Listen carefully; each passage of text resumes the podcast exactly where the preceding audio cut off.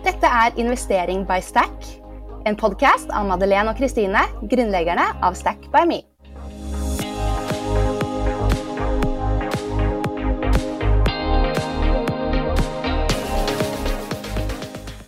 Podkasten er sponset av 247 Office, som er favorittregnskapssystemet vårt. Hallo og velkommen til Investering by Stack, podkasten hvor vi snakker om favorittemaene våre business, penger og investering. Eller hva Maddy? Ja, er det noe som interesserer deg, så har du kommet til rett podkast. Nettopp. Og i dag så har vi med oss en som vi har sett timevis på TV-skjermen. Og hun er en av de råeste håndballjentene Norge noensinne har hatt. Etter at hun la opp, så har hun fortsatt å imponere og kjørt på i samme tempo karrieremessig.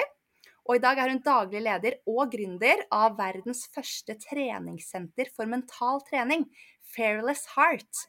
Og hun er det man kaller fokustrener og heart coach. Hun er også en veldig populær foredragsholder og forfatter. Så velkommen hit, Anja Hammerseng Edin. Tusen, tusen takk.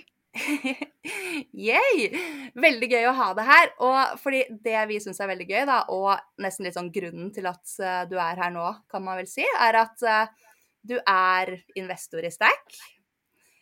Men det som var gøy, for jeg tror ikke vi egentlig hadde snakket noe særlig med deg Eh, vi hadde sett at du fulgte oss på Instagram, og bare det i seg selv syns vi var litt kult. Men da vi hentet penger nå i høst via Folkeinvest, så tikket det plutselig inn en ganske så fin ticket, som man kaller det, en sum, fra deg, Anja. Og da husker jeg at jeg spurte Madeleine bare sånn Kjenner du Anja? Eh, er det fra Larvik? Hva er, liksom, hva er linken her? Og Madeleine bare Nei, jeg eh, gjør eh, faktisk ikke det. Og vi bare Å! Så ja. Det syns vi var ganske gøy, da. ja, og jeg syns det var veldig, veldig gøy sjøl. fordi når jeg leste om dere, jeg fikk vite om eh, intensjonen bak det dere gjør, så kjente jeg at jeg blei umiddelbart fan. Eh, dere er eh, to kvinner som tør å prate om penger, som har lyst til å oppmuntre flere til å investere. Og jeg tror det er et riktig steg å gå i, i vårt samfunn i dag. Da. At uh, vi skal snakke litt om det her, og, og, også tørre å tenke at det er mulig. Mm, det er liksom virkelig det. Men det er jo så mye man kan si om deg, og tenker at det er sikkert veldig mange som vet mye om deg. Men kan ikke du si med dine egne ord, da, en liten sånn Hvordan eh, definerer du deg selv, da? Eller eh, hvem er du? Kort og greit. Et stort spørsmål, men Et stort spørsmål. Du vet hva, jeg er en kreativ sjel som liker å leve fra hjertet. Og elsker å, å jobbe med mindset og meditasjon. Det er, jo, det er jo det, jeg driver med i min, uh, i min daglige praksis. Og så er jeg jo veldig heldig og har en helt fantastisk kjæreste og to barn som, som jeg tilbringer mye tid sammen med. Så Vel, det var veldig kort om meg. Det, ja. ja. ja. ja, men det er helt topp. Og eh, ja, fordi jeg elsker jo å høre på podkasten din, da. Og eh, jeg hørte, eller jeg har hørt egentlig kanskje flere ganger, eller i hvert fall at du har fortalt om en eh, situasjon på en håndballtrening da du var ung, og som du på en måte sier at var et litt sånn definerende punkt i livet ditt. Eh, vet du hva jeg uh, refererer til da? Det var treneren din som eh, stilte et spørsmål. Eh, er det noen her som vil komme på landslaget? Ja. Var det ikke noe sånt? Jo, det var helt riktig. Det var rett og slett mamma. Hun var treneren min. Ja. ja. og, og mamma, mamma, hadde en I veldig, veldig tidlig fase av av vår eh, idrettskarriere, så skjønte hun at alle spillerne som kom inn i hallen, de hadde vært et annet sted før. Så hun skjønte at hun måtte sentrere fokuset vårt. Hun trengte også jobbe med at akkurat nå er vi her. Så vi pleide å samle oss i en liten ring før treninga starta. Og denne spesielle treninga, det, det blei ringen hvor hun stilte spørsmålet hvem her drømmer om å spille på det norske landslaget? Og jeg kjente umiddelbart at du prater til meg. Og så det rett opp med handa og blei veldig mye menneske og tenkte ja, det er meg, det er meg. Um, I det øyeblikket så, så, fikk jeg den gnisten i øynene der noe traff drømmen min. Det spørsmålet traff det som jeg egentlig ville. Men samtidig, når jeg blei mye menneske, da, eh, så kikker jeg rundt meg og så ser jeg at det er jo faktisk bare jeg som har den hånda oppe. Og i et lite øyeblikk der så har jeg litt lyst til å ta ned hånda mi. I frykt for å være for mye, i frykt for å ta for stor plass, i frykt for å drite meg ut i tilfelle ikke jeg klarer det. eh, I frykt for hva andre vil si om min drøm, eh, som var litt annerledes enn de andre sin. Og så I hvert fall når jeg blir usikker, så enten kikker jeg ned, eller så møter jeg blikket til noen som jeg er glad i og trygg på. Og da møtte jeg blikket til mamma, og hun ga meg det 'du holder den handa di oppe'-blikket. Og jeg tror jeg husker det øyeblikket så godt fordi at det handla egentlig ikke om landslaget. Det handla ikke om laget mitt i det hele tatt. Det handla om hvem jeg er i alle de definerende øyeblikkene framover i livet, hvor jeg enten kan velge å rekke opp handa og stå for det jeg drømmer om, stå for det jeg tror på, selv om alle andre ikke nødvendigvis har de samme drømmene eller de samme tankene da, om det. Eh, Jeg, jeg, jeg tror jeg husker det så godt fordi at det, det var et øyeblikk hvor jeg måtte leve i integritet med meg selv. Eller kunne ja. velge, i hvert fall, å leve i integritet med meg selv. Og det var veldig kult, det. øyeblikkene Ja. Jeg digger mammaen din allerede. Ja. Ja, ja, ja, hun er helt rå. Hun er helt rå. Ja. Og da, liksom siden den dagen, så har du visst da at eh, det er ikke alle kanskje som har de store drømmene som du har, og da må man kanskje gjøre mer, man må jobbe mer målrettet, og man må Eller at andre har andre drømmer, da. Så Ja, der er vi jo veldig ulike. ja.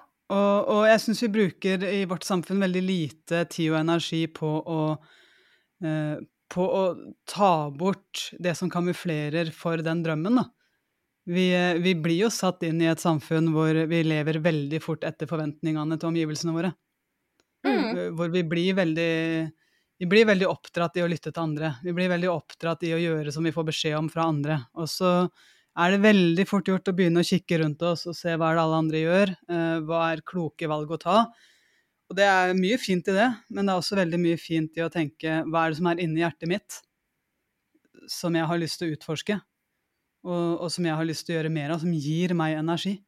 Mm. Eh, det er noe jeg virkelig, virkelig brenner for. Det er å hjelpe mennesker med mer av det. Da.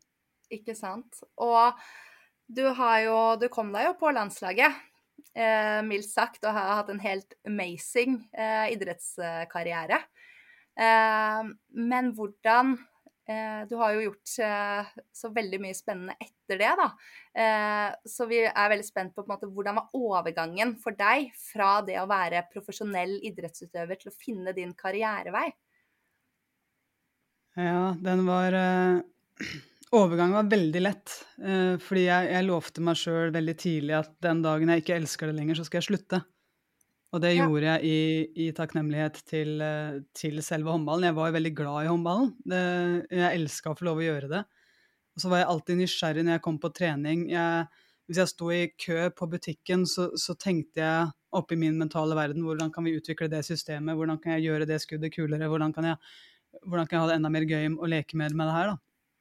Og så merka jeg at eh, når, når den nysgjerrigheten, når det fokuset begynte å bli dratt over på noe annet, og jeg kommer på trening, ikke fordi jeg er sulten på utvikling og læring og nysgjerrig på hvordan vi som lag kan skape noe sammen, men fordi jeg nå har fått det som en forventning at jeg er der, og en forpliktelse pga. kontrakt, det var da jeg sa opp. Og det var da jeg sa ifra at jeg, jeg er ferdig etter denne sesongen her.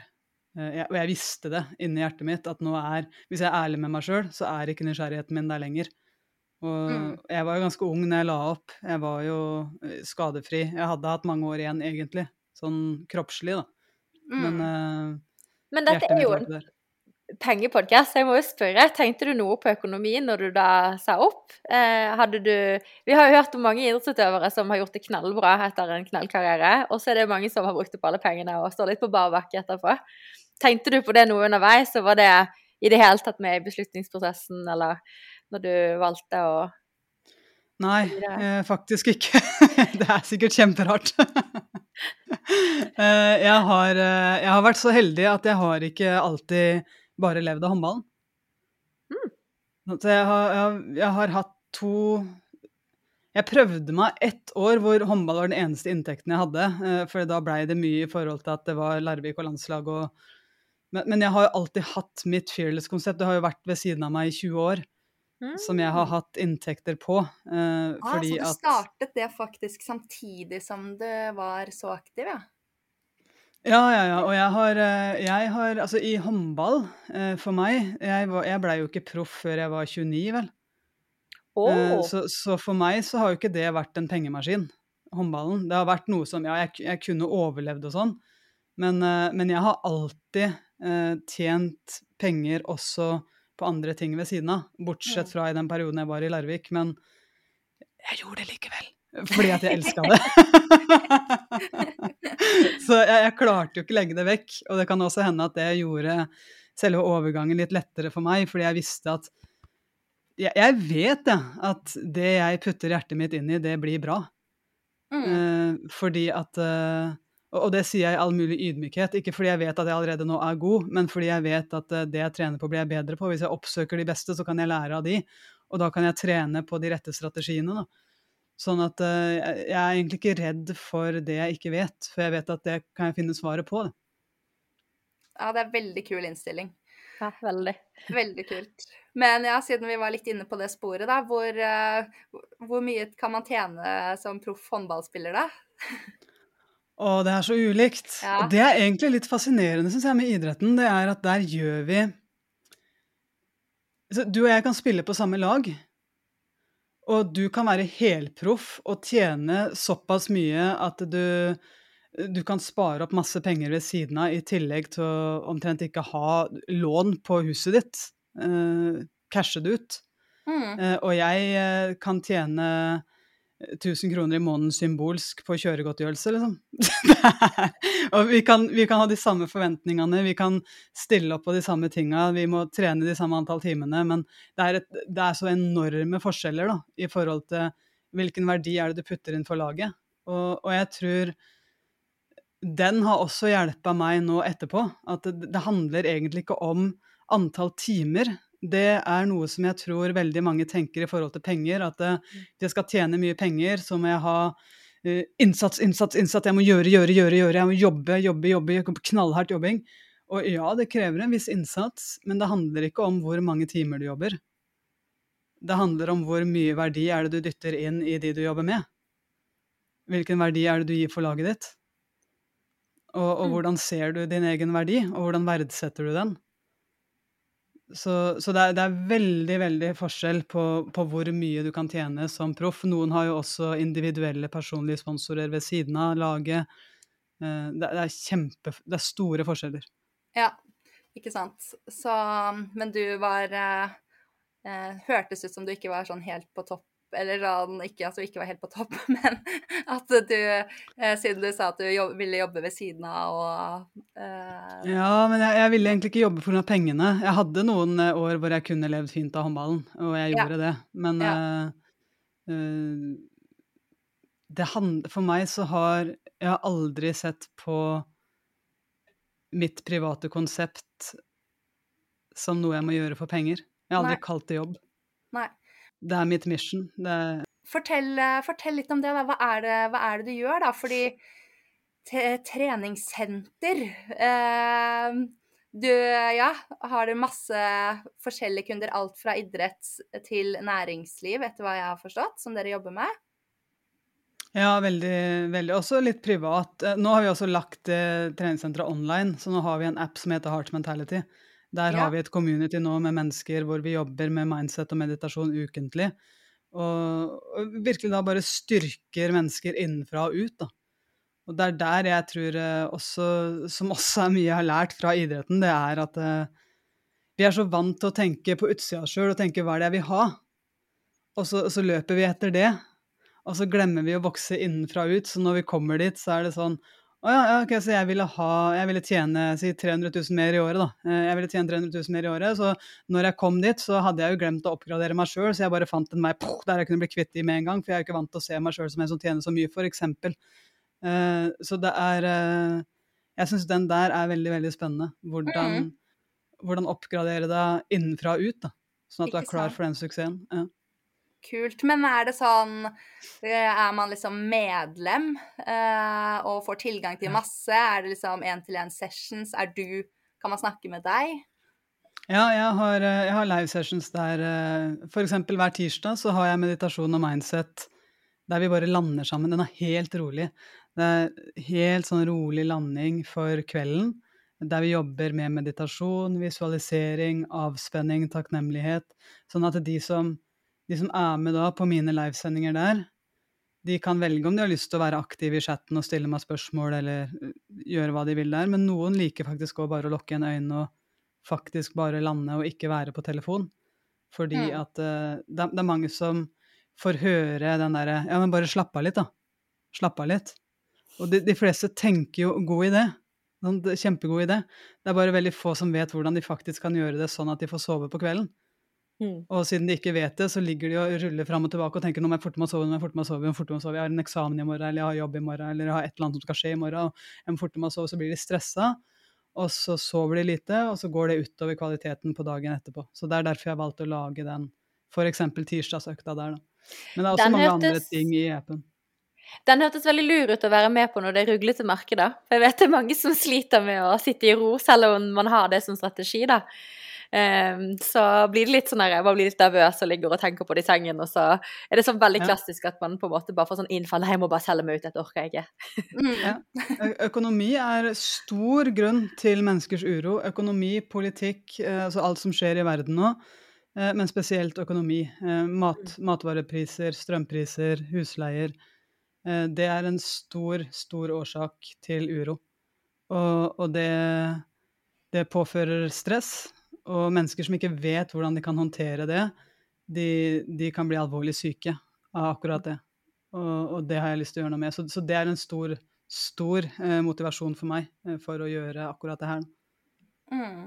Jeg føler sånn Det er jo litt sånn utenifra, da, men uh, at det, når man tenker på deg, så har du i hvert fall sånn tidlig uh, i karrieren din, eller sånn at, at, du har vært veldig sånn fairless, da, og skikkelig rå, og bare sånn power, power, power, og bare skikkelig sånn kul dame.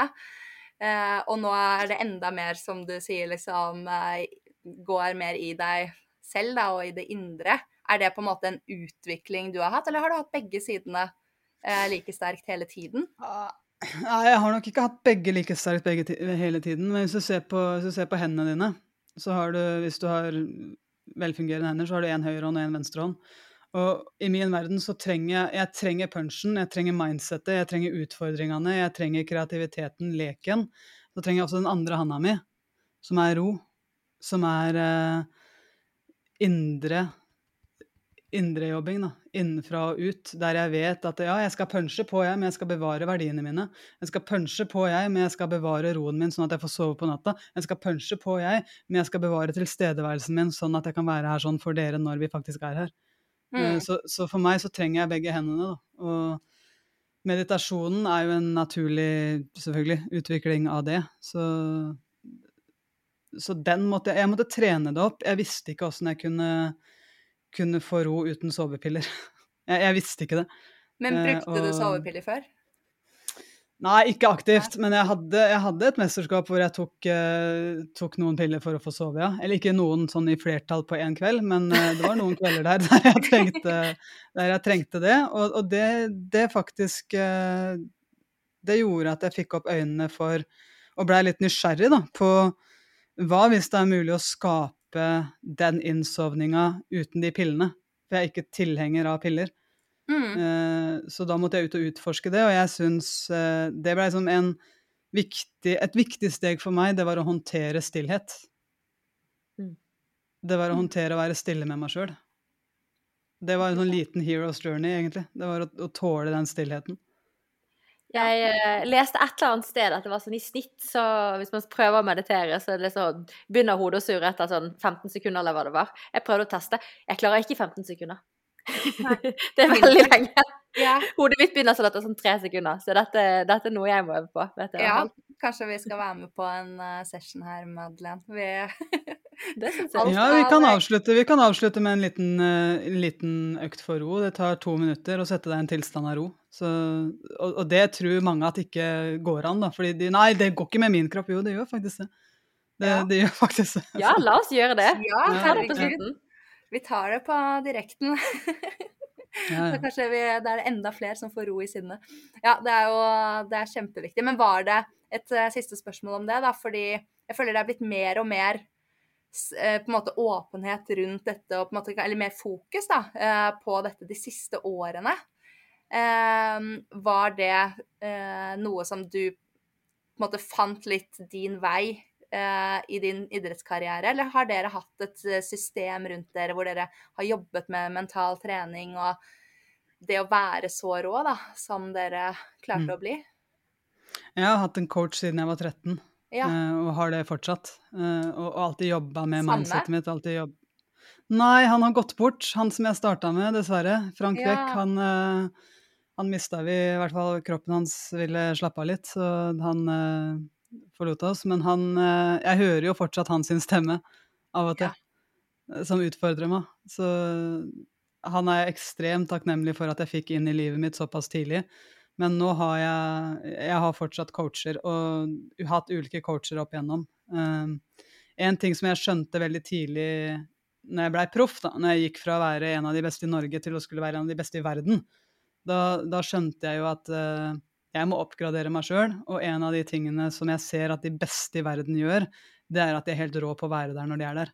Mm. Og, og det var en ting som jeg jobba litt med, fordi at når jeg var f.eks. på banen, så kunne jeg stå på banen og merke at fokuset mitt vandra over til feil jeg hadde gjort tidligere, eller konsekvenser hvis jeg dreit meg ut. Og så, og så var jeg der, men jeg var ikke der. Mm. Så sånn sett, så jeg starta egentlig med fokustrening, jeg, på nå-øyeblikket. Og så gikk jeg videre inn i meditasjonen seinere. Så, så jeg har jo trent mye fokus. Eh, og så gikk det over til at jeg trente mer og mer meditasjon. Og det starta faktisk med at jeg gikk på en, eh, en skikkelig smell i bakken. Jeg slo huet mitt, så jeg fikk hjernerystelse. Og da kom eh, Ja, det, det skjer jo på håndballen, men da, da fikk jeg jo ikke gjort så mye. Jeg måtte bare ligge på sofaen, og så måtte jeg ha sånn blinders på. Måtte, liksom, kunne ikke se på så mye lys og sånn. Så da kom kompisen min Marius da inn med, med lydfiler til meg på meditasjon. Ja. Han sa du, du kan godt nekte, men du kommer deg jo ingen vei, så nå, nå prøver du det her. jeg bare nei, fader det her er ikke noe for meg. Jeg, jeg, jeg ble sånn Det her, det, for meg så var det sånn blafrende kjoler og røkelse og nei, Det var så langt unna min verden, da. ja. Uh, for, så jeg hadde fordommer knytta opp mot det. Men uh, når jeg da testa det, så, så skjønte jeg at uh, det der, det er noe jeg faktisk må svelge ganske mange kameler på, for det, det her funker. Og så ble jeg mer og mer nysgjerrig på det, og så når jeg da avslutta karrieren, karrieren min, så, så reiste jeg rett på ti dager i stillhet. Hvor vi mediterte ti timer om dagen. Og Ti timer om dagen. ja, det, ja, det var kjempespennende. Å, herregud. Sånn liksom Hvor lenge sessions da? Dere måtte spise? Ja, det også var veldig spennende. Vi fikk to måltider om dagen. Så Og bare vegansk mat. Det også var annerledes for meg. Jeg var vant til at jeg trodde at jeg var en som måtte ha kjøtt eh, hele tida. Nei, så, så det var mange innsikter der. Det var masse å lære, masse å, masse å jobbe med, ikke minst. Og, Mm. Shit, jeg syns sånt er veldig spennende. mm. Så nei, det er eh, ja, utrolig kult. Men eh, eh, selv om penger på en måte ikke har vært din sånn hovedmotivasjon eh, noen gang, så vet vi jo at du er ganske god på det òg, da.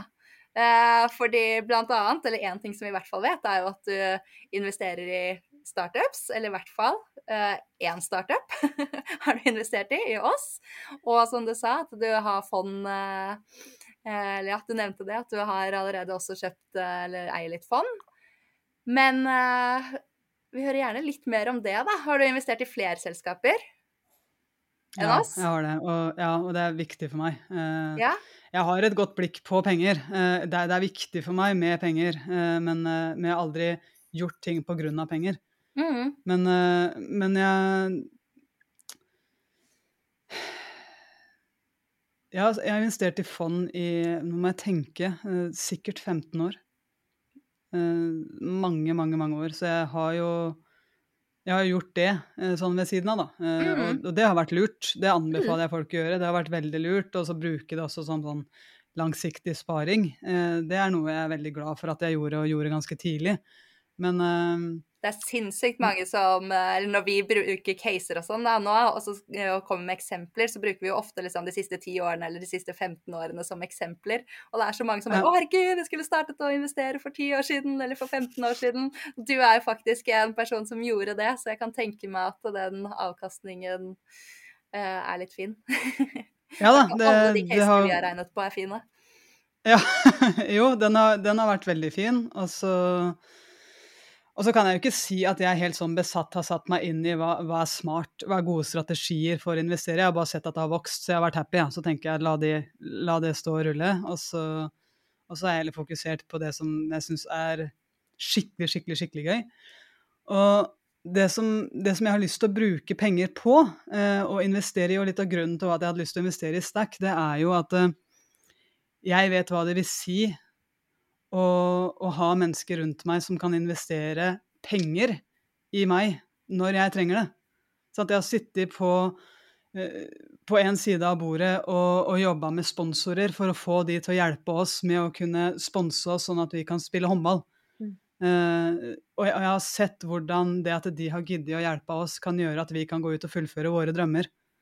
Og det her har jeg jo Det har vært en stor del egentlig av jobben min i tillegg til å være håndballspiller, det er jo også å jobbe med sponsorer, naturlig nok, og samarbeidspartnere.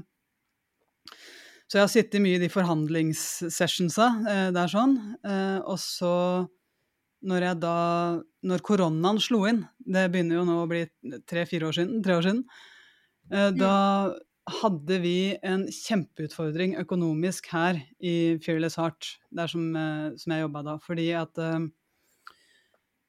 jeg hadde akkurat kjøpt ut medeierne, og det kosta ekstremt mye penger.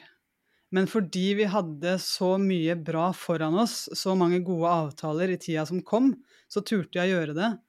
Men da var det, det var Marius og jeg som var i firmaet, vi hadde to månedslønner igjen på kontoen til firmaet etter at jeg hadde kjøpt ut medeierne. Så det, den blei brutal for oss, da. Der lærte jeg mye, så det, det kan vi ta en annen gang, men den blei brutal, akkurat den. Eh, men fortsatt så følte vi at vi har god kontroll, for vi hadde så mange gode avtaler framover. Og så skjer jo koronaen. Så alt blei jo avlyst, så å si.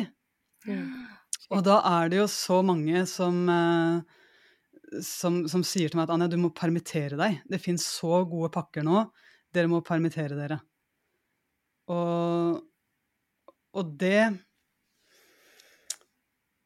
Eh, la, la meg bare gå to steg tilbake nå. Når jeg sier at det ble brutalt for oss, så er ikke det fordi medeierne våre var brutale. Det var noe vi var med på, sånn at ikke de liksom blir svertna av det her. Men uh, historien, uansett, den, den blei voldsom for oss, da.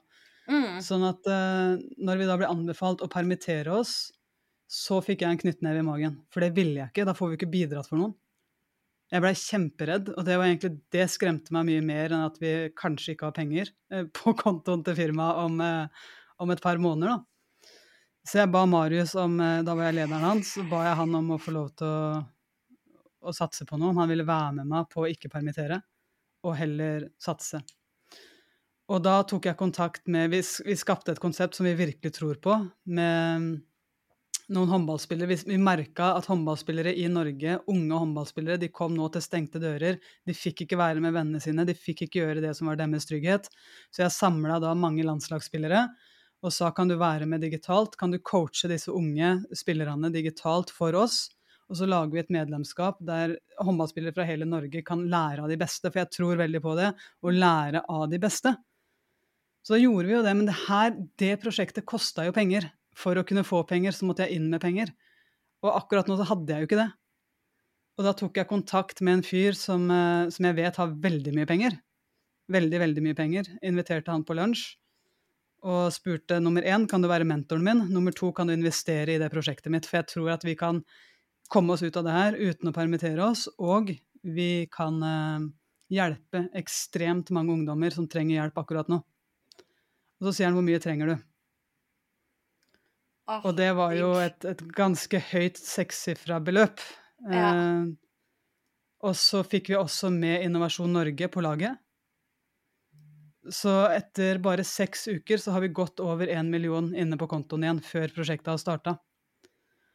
Og, og etter det så, så vet jo jeg at han som jeg ba om penger fra den dagen der sånn, han er ikke interessert i å få de pengene tilbake. Han, han har mer enn nok, og han sa altså gi det videre.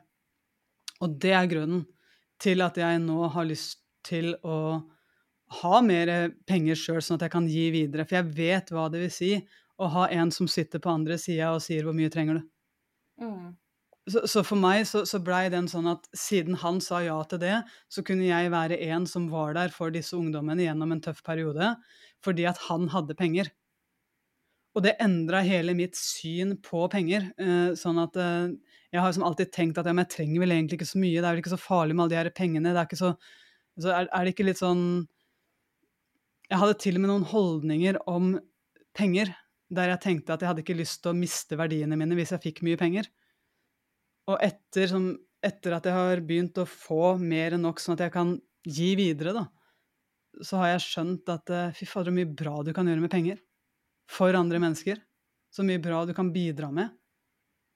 Og, og det er en stor motivasjon. Så derfor så, så investerte jeg jo litt i deres, men så har jeg også da investert i i andre selskaper, da, blant, blant annet en, eh, en, restaurant som er nede i nabolaget vårt nå, så en, eh, noe som heter Sela Sleep, en helt fantastisk eh, meditativ klokke sånn, som kommer ut på markedet nå, der de går fra alarmklokke til kalmklokk. Det det er kjempespennende konsept, og, og, det å kunne få lov å være den som sier ja, men hva trenger du? Mm. Det føles godt. Det, det, føles veldig, veldig godt. Og, og det å ikke, ikke, fordi at uh, jeg har shitload med penger, men fordi at jeg har nok til å kunne bidra for noen. Da. Og mm, det inspirerer og... meg. Det er veldig, veldig inspirerende. Det er så fint sagt. Det, måte, det føler jeg er min drøm også. Å kunne mm. Ja. Få, få nok da, til å kunne støtte. For det er jo akkurat som du sier. Man er så avhengig. Da. Man vet jo at uh, omtrent alle startups uh, og nyetablerte selskap, man henter jo, eller får jo de første pengene fra nettverket sitt. Og mm. det er mange som blir liksom sånn Ja, Madeleine og jeg òg, vi har jo liksom i starten da spurt alle man kjenner, og det er jo mange som bare Skal du virkelig spørre venner om dette her? Ja. Og så blir det sånn Det er ikke liksom Det er det, Se på det som en mulighet, da, eller Det er jo ikke noe kult å spørre, men det er jo det de aller, aller fleste må. Eh, mm. Og da ja, når man har vært gjennom det selv da, og følt på hvordan det føles, det å kunne være med og Det hadde vært en drøm for meg også. Kunne støtte andre i det videre, som de sier. Ja. Og det er jo vi, Ja, vi snakker jo litt om dette her på sosiale medier eh, eh, eh, ofte, egentlig. At, at, selv om man ikke har så mye penger, da, så kan man også være med og eh, bruke sin stemme. Eh, hvis man f.eks. Uh, ja, å investere i et bærekraftfond, da, eller i et uh, uh, ja, miljøfond, mm. vannfond, eller bare sånn Det er så mye man kan gjøre. Eller sportsfond, hvis man vil gå den retningen, da, men at man kan Man er liksom med å styre pengestrømmen, selv om det ikke trenger å være de største pengene i starten. Ja, og i hvert fall på fond, da. Så man kan jo, det er jo daglig likviditet. Så hvis det da plutselig kommer en mulighet, og man har tjent på fondene sine i ti år, og så har det kanskje blitt en litt større sum, så kan du jo reallokere det. Du kan flytte penger fra fondet over til startupen til fetteren din eller venninnen din, eller um, som kvinnelig gründer så har jeg bestemt meg for at jeg skal faktisk bare putte de pengene som jeg har i mitt AS, eh, nå i andre kvinnelige gründere. For jeg vet hvor sinnssykt mye vanskeligere det er for de eh, å hente kapital. Mm. Ja. Og det har vært litt av intensjonen min òg. det var det jeg kicka på både med dere og Sela Slip. Det er at vi trenger flere kvinnelige gründere. det er viktig at flere ser at det er mulig. Ja, veldig. At folk gjør noe med det òg. Sånn som dere to, mm. da. Og jeg skal også, som jeg drømmer om. Men, eh, men eh, når vi snakker om drømmer, du noe, lever du allerede drømmen, da? Eller har du noen enda større økonomiske drømmer for din fremtid? Jeg, har, jeg lever drømmen akkurat nå.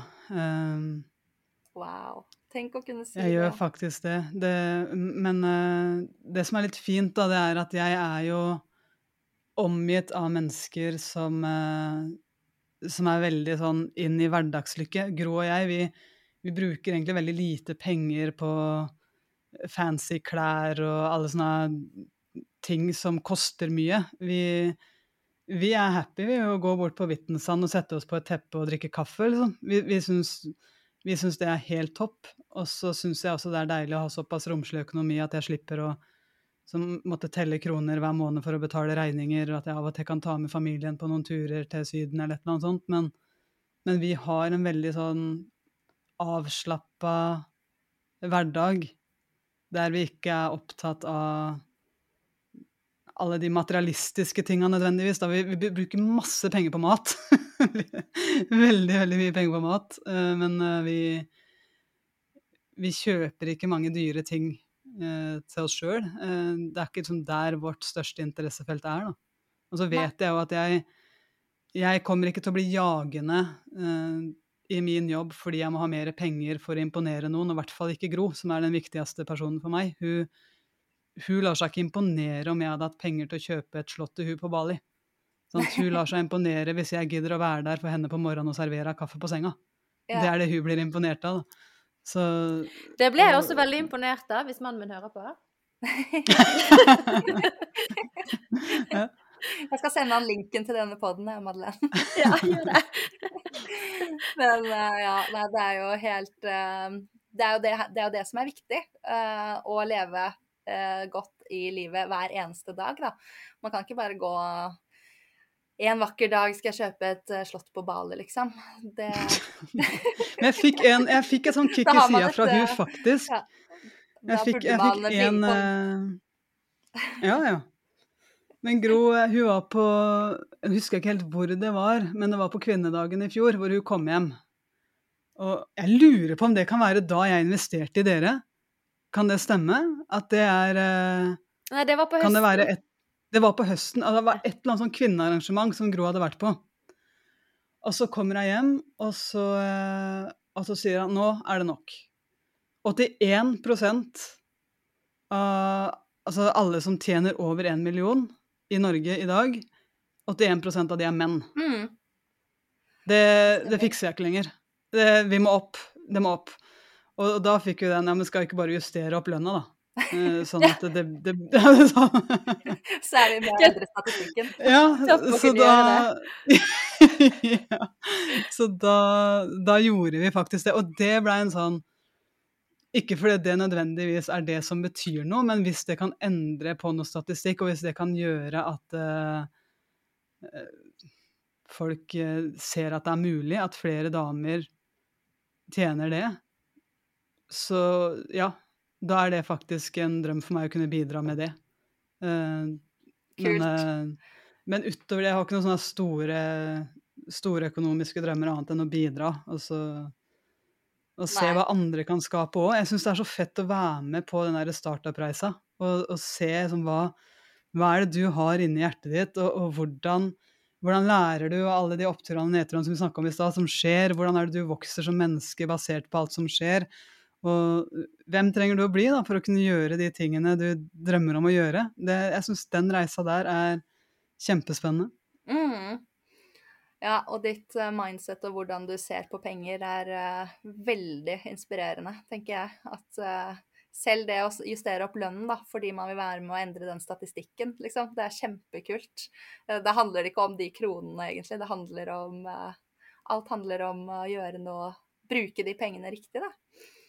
Ja. Det, det er kult. Men vi, ja, har du, vi pleier å stille spørsmål til gjestene her i podden. Da. Hva er din beste og din dårligste investering? Oh. Eh, den beste investeringa Jeg har mange gode investeringer. Jeg tror noe av det som jeg gjør veldig lurt å investere i, det er coaching. Ja. Eh, at jeg faktisk investerer i å ha en coach, og, og prioriterer det, da. Og, og har det i livet mitt. Det er veldig viktig for meg. Eh, ikke nødvendigvis gratis, men viktig. Og da vil jeg gjerne ha de beste. Jeg vil, jeg vil ha de beste coachene som er tilgjengelige når jeg trenger det.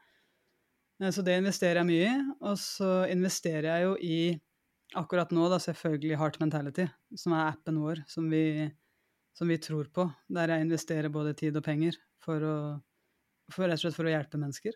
Som er en forlengelse av det håndballprosjektet som nå lenger ikke handler om håndball, men som handler om personlig utvikling da, og ro. Mm. Eh, Den dårligste investeringa, det var et godt spørsmål. Det har jo vært mange, altså det òg. Det er masse. Men jeg tror her om dagen Jo, vet du hva? Jeg oppdaga faktisk her om dagen at jeg driver og Altså det man bruker penger på, kan bli sett på som en investering. Det, og jeg driver helt åpenbart tydeligvis fortsatt og betaler penger på PlayStation-kontoen til sønnen min som ikke han har brukt på tre år. Det er en dårlig investering. Ja. Det er en skikkelig dårlig investering. Det går ikke an. Så det ble en sånn ordentlig vekker for meg. Det, altså, våkne opp. Det går ikke, faktisk. Um, Ja, følg med på abonnementene som ruller. Det tror jeg er et Ja. veldig godt hva? tips. det er så godt tips, for de bare ruller. Og, og noen ganger så, så blir det jo sånn at det, det ruller over på neste år. Selv om jeg Mm. kanskje ikke trenger det lenger. Så bare ah, bom, der, der betalte du et par tusen for den. Det ville jeg ikke, men nå er det for seint. Ja. Altså det å Ja. Mm. eh, Det å ta en sånn halvårlig sjekk på det, ja, ja. det tror jeg er veldig lurt. Og da kan man heller ta, hvis man har kansellert tre abonnementer, da kan man putte det inn i et sparetrekk istedenfor det. Inn i fond eller Ja. eh, på en bufferkonto, Ja. hva man trenger mest. ja, ja. Mm. Mye lurere. Ja, det er, det er en oppfordring. eh, ja, jeg vet, ikke, Madeleine. Vi, har du noe det, Tiden går litt, eh, ruller litt eh, fra oss. Vi skal jo både ha en liten eh, ro, få litt ro i sjelen her, men, og litt mer. Men er det noen flere spørsmål som du har på hjertet? Ja, jeg ville bare høre det siste spørsmålet, syns jeg er så gøy. Og det er hva er det neste du vil investere i? Har du noe på tapeten? Akkurat nå, så det, det som er nærmest hjertet mitt nå, det er jo å hjelpe de på De på Sela Sleep. Eh, jeg har veldig lyst til De skal De har en eh, en lansering nå, og så kommer de første klokkene i desember. Og, og jeg har veldig, veldig lyst til å hjelpe de alt jeg kan eh, for at den lanseringa skal gå godt. Og er, eh, der, der bruker jeg litt, eh, litt tid og penger nå. Jeg syns, de, det er kult. Det er, eh, det er innovativt. Det er to kvinner som er i bresjen. Det er bra for helsa til mennesker. Så, så det er nok der jeg skal jeg skal holde fokus nå, i tillegg til selvfølgelig vår egen app. Og så er det jo å lære litt mer av dere, da. Hvordan kan jeg få de fondene mine over til dere? Nå har jeg liksom Jeg oppretta noe hos dere bare fordi jeg tenkte jeg må jo ha noe der òg, men eh, jeg har jo fond et annet sted, så jeg, det skal jeg lære meg. Hvordan overføre de. Og mest sannsynlig mase litt på dere der, da. Ja, det trenger du ikke. Jeg følger opp etter denne fonden. Ja, vi vil ha deg, ha deg inn i appen, vet du. Mm. Har du noen tanker rundt hvordan man kan bli på en måte mentalt sterk og få ro rundt sin egen investeringsstrategi? Eh, Spesielt når det er humpete markeder. Kanskje være med på disse tirsdags-sessionsene dine, eller eh, er det noe annet? Ja, eh, jeg vil jo definitivt anbefale å, å få verktøyet for ro. Eh, Vite at du har en kropp som har tilgang på ro hele tida. Det tror jeg er eh, noe folk flest vet at jeg hører hva du sier, men jeg vet ikke hvordan. Eh, Så det er lurt. Og så, tror jeg jo også at når du investerer i noe, så, så er det jo klokt å tenke litt sånn langsiktig, da. At eh, jeg vet at når jeg nå investerer i det her, så, så har jeg ro med at jeg kan tape de pengene. Mm. Eh, og så er jo selvfølgelig et mål å ikke tape de. Men hvis jeg gjør det, så går ikke verden under. Og det, det gir meg i hvert fall litt ro. At uh, jeg, jeg gjør det med rene intensjoner. Jeg gjør det basert på den kunnskapen jeg har. Men uh, jeg, jeg vet også at uh, jeg har ro uansett hvordan det går. Mm. Så det å investere klokt og og vi har jo sett gjennom hele verdenshistorien så har det jo vært økonomisk pressa situasjoner sånn som nå. Det, vi, vi husker jo 2008, det var vel en fin runde i 1981 nå, var det ikke det? Med, hvor vi hadde en liten en. Og, så, og de som da selger og stresser i de periodene, det er jo de som, penger, nei, som taper penger. Mm. Sånn, De Ja, som du skal ikke lenger bare- tilbake enn til 2020, faktisk. Var det jo et 2020, ja, ikke sant? Ja. Ja. Og, og, og det å klare å sitte rolig i båten og bare vite at det er faktisk helt vanlig, det. Hele verdenshistorien har vist oss at det er helt vanlig. Mm. Så ja, det, det kommer til å se ut som det er mindre på kontoen. Og så går det et par år, og så kan du smile igjen. så, så det er eh, Jeg har i hvert fall valgt den strategien. At eh, det som skjer, det skjer, og så skal jeg sitte rolig i båten. Det høres veldig lurt ut. Ja, det liker vi å høre. La, la oss alle få like mye ro uh, som deg, Anja. Men um, det passer egentlig å runde av med en oppfordring, for det gjør vi alltid på slutten av uh, episoden i denne podkasten. Og i dag, da, så er det Anja. Du har jo, du har jo mye på hjertet. Så vi tenkte å kjøre litt sånn Anja-style på Så nå kommer en oppfordring her. Say make money, money, make money, money, money. Make money, money, make money, money, money. Kjære penger. Jeg pleide å se på deg som grunnen til mine problemer. At du skapte avstand og misunnelse. Men nå ser jeg at det som virkelig trengte å endres, det var mitt syn på deg. Det var på tide å se deg som en kraft til kilde og glede. Når jeg begynte å endre mitt syn på deg, begynte jeg også å endre måten jeg interagerte med deg på. Jeg lærte meg å verdsette den energien du bringer inn i livet mitt, og bruke den klokt. Jeg lærte å investere i ting som gir meg glede, i mennesker som løfter meg opp, og i prosjekter som gjør verden bedre. Jeg har innsett at det ikke handler om å samle deg opp og holde deg tett inntil meg, men heller la deg strømme fritt fra meg. Ved å gi bort med glede, ved å dele min overflod, ved å bidra til andres velvære, har jeg oppdaga den sanne kraften i din energi.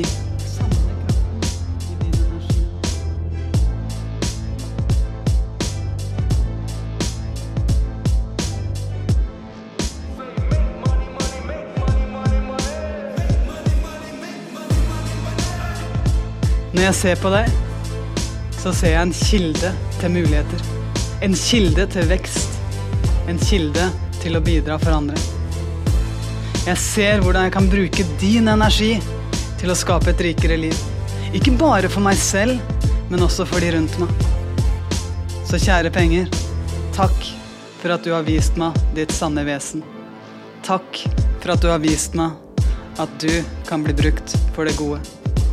Takk for at du har lært meg å se deg som en positiv kraft. Og for at du har hjulpet meg til å transformere mitt syn på alt det gode du kan gi. Money makes the world go round. I'm the talk around town. Remy gave me the sound. I need that skrilla on the rilla. I need that skrilla on the rilla. Da må du lead the way, Anja. Hvordan gjør vi to minutter ro i sjelen? Mm, deilig, deilig. Da kobler vi på hjertet. Så det vi gjør eh, De som lytter nå, da, hvis dere har mulighet til å lukke igjen øynene, så vil jeg anbefale det første gangen. eh, For da tar vi bort en sans, så det er lettere å konsentrere seg. Hvis du kjører bil, så ha gjerne øynene åpne. Det, det kan bli så trasig. Eh, Så sett deg ned bare med rett rygg. Det er fordi det sender signaler til hjernen om at nå skal du være våken. Hvis du vil nå, så kan du lukke igjen øynene dine. Ta fokuset ditt og plasser det på brystet ditt og området rundt hjertet ditt. Pust litt roligere og litt dypere enn vanlig.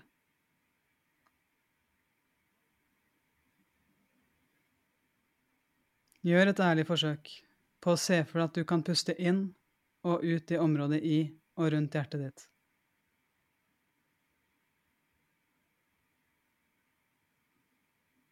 Hvis det hjelper deg, så kan du legge en hånd der.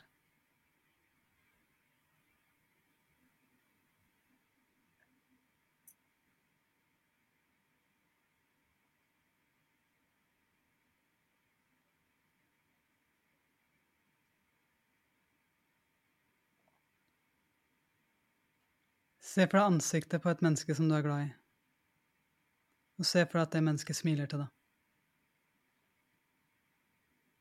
Og kjenn kjærligheten du har til det mennesket.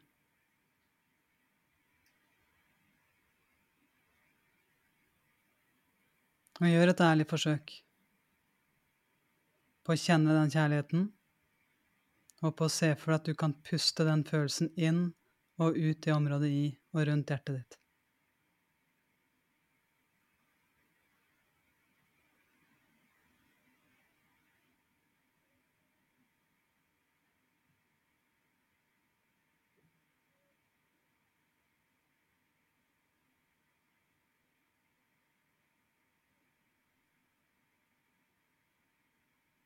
Og ta nå fokuset ditt løfte litt høyere opp til ansiktet og området rundt munnen.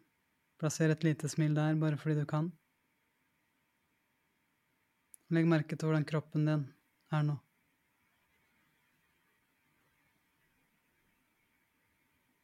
Hvis du vil nå, så kan du åpne øynene dine.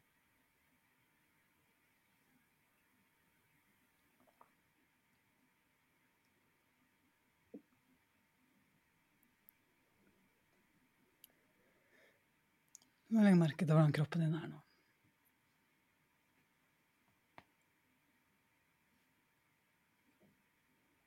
Så det er hjertefokusert pust. Det, det her er tilgjengelig for oss hele dagen. Eh, I det øyeblikket vi kjenner at vi blir stressa, urolige, nervøse, bekymra. Eh, det fungerer fordi det aktiverer det parasympatiske nervesystemet vårt. Så det gjør at hjertet sender signaler opp til hjernen om ro. Og, og det gjør jo at uh, nå som du har gjort det da, en gang med, med øynene lukket, så har du tilgang på det her med øynene åpne. Så, så jeg vil anbefale liksom, de som nå sitter i, i møter med noen mennesker som de er usikre på, eller med noen autoritet, eller de skal legge fra noe de tror på, rekke opp handa for noe de tror på, hva nå enn det er for deg, da. I det øyeblikket du kjenner uroen, så tenk og vit inni deg at du har tilgang på roen. Ja, jeg håper alle som har lyttet, bare har ro i sjelen, klar for å ta tak eh, videre på dagen. Og tusen takk, Anja, for at du eh, var her og delte med oss og ja, inspirerer. Så vi snakkes, eh, vi snakkes igjen. jeg heier veldig på dere. Tusen takk for at jeg fikk være her. Ja, Tusen takk ha det. Ha det. Ha det.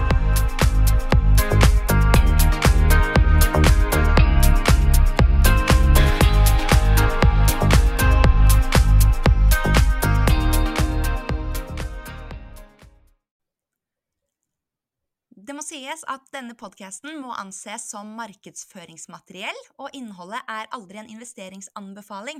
Podkasten er kun ment til inspirasjon og informasjon. Så innholdet i podkasten bygger på offentlige, tilgjengelige kilder som Stack anser som pålitelige, men vi kan ikke gi noen garanti for nøyaktighet og fullstendighet bak dette.